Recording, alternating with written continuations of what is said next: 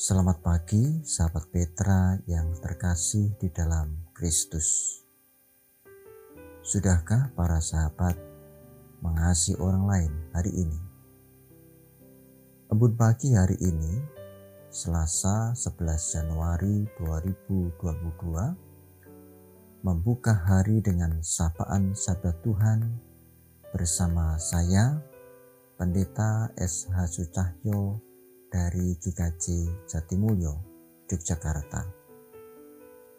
Adapun tema embun pagi saat ini adalah kabar baik. Berdasar dari bacaan suci Injil Markus pasal 1 ayat 14 sampai dengan 15. Sahabat Petra yang terkasih, Sebelum kita menghayati lebih dalam firman ini, mari kita bersama-sama berdoa. Tuhan yang Maha dan setia, kami bersyukur penyertaan bersama dengan kami. Bahkan pagi ini kami bisa bangun pagi, menghirup udara segar, merasakan damai, sukacita. Semuanya itu karena Tuhan yang hadir bersama dengan kami melalui pertolongan Roh Kudus yang senantiasa membimbing dan menuntun kami. Terima kasih ya Tuhan. Dan pagi ini kami bersama-sama ingin mengawali hari dengan mendasarkan dalam firman Tuhan. Bersabdalah ya Bapa, kami siap untuk mendengar. Di dalam nama Tuhan Yesus Kristus, kami berdoa dan mengucap syukur. Amin. Sahabat Petra yang terkasih akan saya bacakan Injil Markus pasal 1 ayat 14 dan 15 yang demikian. Sesudah Yohanes ditangkap, datanglah Yesus ke Galilea memberitakan Injil Allah. Katanya, "Waktunya telah genap. Kerajaan Allah sudah dekat.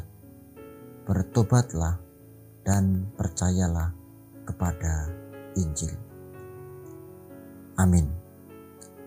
Berbahagia setiap orang yang mendengarkan firman Tuhan dan menghayati dalam kehidupan sehari-hari. Haleluya.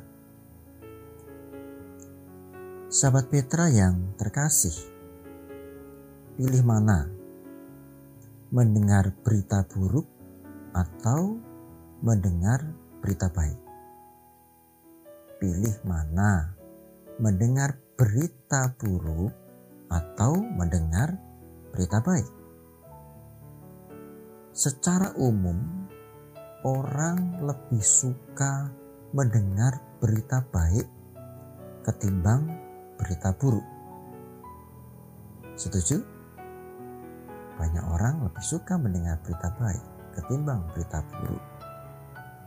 Tapi sebentar, meskipun begitu, tampaknya tidak semua berita baik itu benar-benar menjadi berita baik bagi semua orang. Misal, ketika sedang kehausan, sangat haus. Ya, berita baiknya adalah ketika ada seorang yang membawa segelas air baginya. Lalu, bagaimana dengan seorang yang sudah kenyang dengan air? Tentu, berita tentang seorang yang datang membawa segelas air itu tak lagi menjadi berita baik. Minimal itu berita biasa-biasa saja. Jika demikian, berita baik adalah suatu berita yang menjawab kebutuhan seseorang di mana orang itu secara sadar tahu akan kebutuhannya tersebut. Nah, sahabatku, Sekarang jawab dengan kejujuran. Bagaimana dengan datangnya Kristus bagi Anda? Apakah itu berita baik bagi para sahabat Petra semua? Jangan segera menjawab, sahabatku. Tenang sejenak, hayati secara mendalam. Benarkah Kristus menjadi berita baik bagi hidup Anda? Jika iya, tentu hidup menjadi perayaan syukur. Setiap waktu tak ada kesempatan untuk mengeluh atau menyalahkan apa pun. Hanya ada syukur. Hanya ada syukur. Karena Kristus hadir bersama dengan kita. Oleh karenanya dapat dipastikan tak ada lagi kekhawatiran yang melanda. Begitukah sahabatku? Baik, mari kita mendalami nats kita. Ayat 14 menyatakan bahwa setelah Yohanes ditangkap, tampillah Yesus Demikianlah faktanya bahwa Tuhan tidak membiarkan kepemimpinan rohani itu kosong. Ketika yang satu tidak ada, akan ada yang lain dan bisa jadi lebih hebat dibandingkan sebelumnya. Setelah Yohanes ditangkap, tampillah Tuhan Yesus.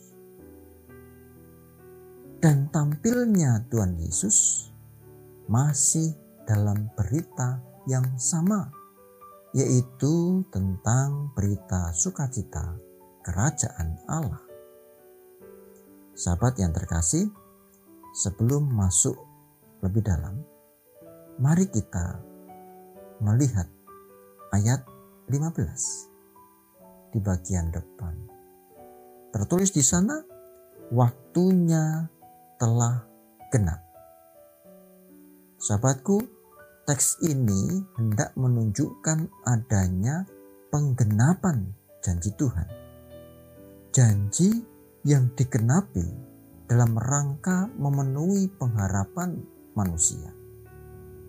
Pengharapan manusia, apakah itu? Yang dimaksud pengharapan manusia dalam konteks ini adalah hadirnya Mesias. Hadirnya sang penolong kehidupan. Hadirnya sang penebus dosa. Sahabatku, pada titik ini menunjukkan bahwa manusia telah mengalami kesadaran akan kebutuhan bahwa dengan kekuatan diri kemanusiaannya, mereka tidak mampu lepas dari kuasa gelap yaitu dosa. Mereka membutuhkan pertolongan. Dan tentang datangnya pertolongan itu, waktunya telah genap. Bagi mereka yang sadar akan kebutuhan itu, ini adalah berita baik. Sahabat Petra yang terkasih, maka untuk selanjutnya lebih dalam lagi ada dua hal yang mendasar. Di ayat 15. Pertama, kerajaan Allah sudah dekat.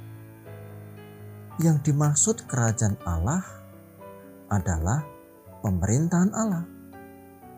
Semua orang bisa membayangkan betapa indahnya hidup dalam pemerintahan Allah.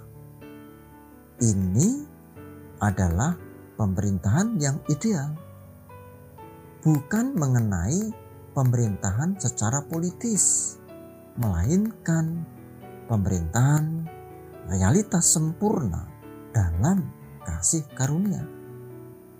Dan Tuhan Yesus datang untuk menegakkan itu semua dalam karya-karyanya. Itu yang pertama. Yang kedua, bertobatlah dan percayalah kepada Injil. Sahabatku, tidak ada pilihan. Jika ingin berada dalam lingkup kerajaan Allah, tidak ada pilihan lain, yakni kita harus menjadi anak-anak Allah. Menjadi anak-anak Allah berarti selaras dengan Allah sesifat dengan Allah. Maka langkah yang harus dilakukan selanjutnya sebagai anak-anak Allah adalah melakukan pertobatan dan percaya pada Injil. Artinya, meninggalkan perbuatan lama yang penuh dosa, lalu lahir baru menjadi pribadi milik Kristus. Dan semuanya itu harus terjadi dalam pertolongan Kristus. Dan setelah itu, secara sadar bersedia melanjutkan kehidupan seturut dengan petunjuk firman dalam Injil. Khususnya iman tentang karya Bapa menolong umat manusia melalui karya Tuhan Yesus Kristus. Dan ingat sahabatku, Kristus telah membawa berita baik. Bahkan ia sendirilah berita baik itu. Namun pertanyaannya tetap sama. Lalu bagaimana dengan Anda? Apakah Kristus adalah berita baik bagi Anda? Apakah berita yang dibawa oleh Kristus tentang kerajaan Allah dan kemudian persoalan pertobatan dan percaya kepada Injil adalah berita baik bagi Anda? Jawablah dalam kejujuran dan dengan perbuatan, bukan dengan mulut. Amin. Mari bersama-sama kita berdoa. Tuhan yang penuh kasih dan setia, kami bersyukur penyertaan-Mu bersama-sama dengan kami ketika kami mendengarkan firman ini. Kiranya ya Allah firman ini tidak berhenti dalam pendengaran kami saja, namun berlanjut dalam hidup sehingga sikap dan perbuatan kami senantiasa menjadi cermin-cermin Injil. Kiranya keterbatasan kami tidak menjadi persoalan karena kesempurnaan Tuhan hadir bersama dengan kami.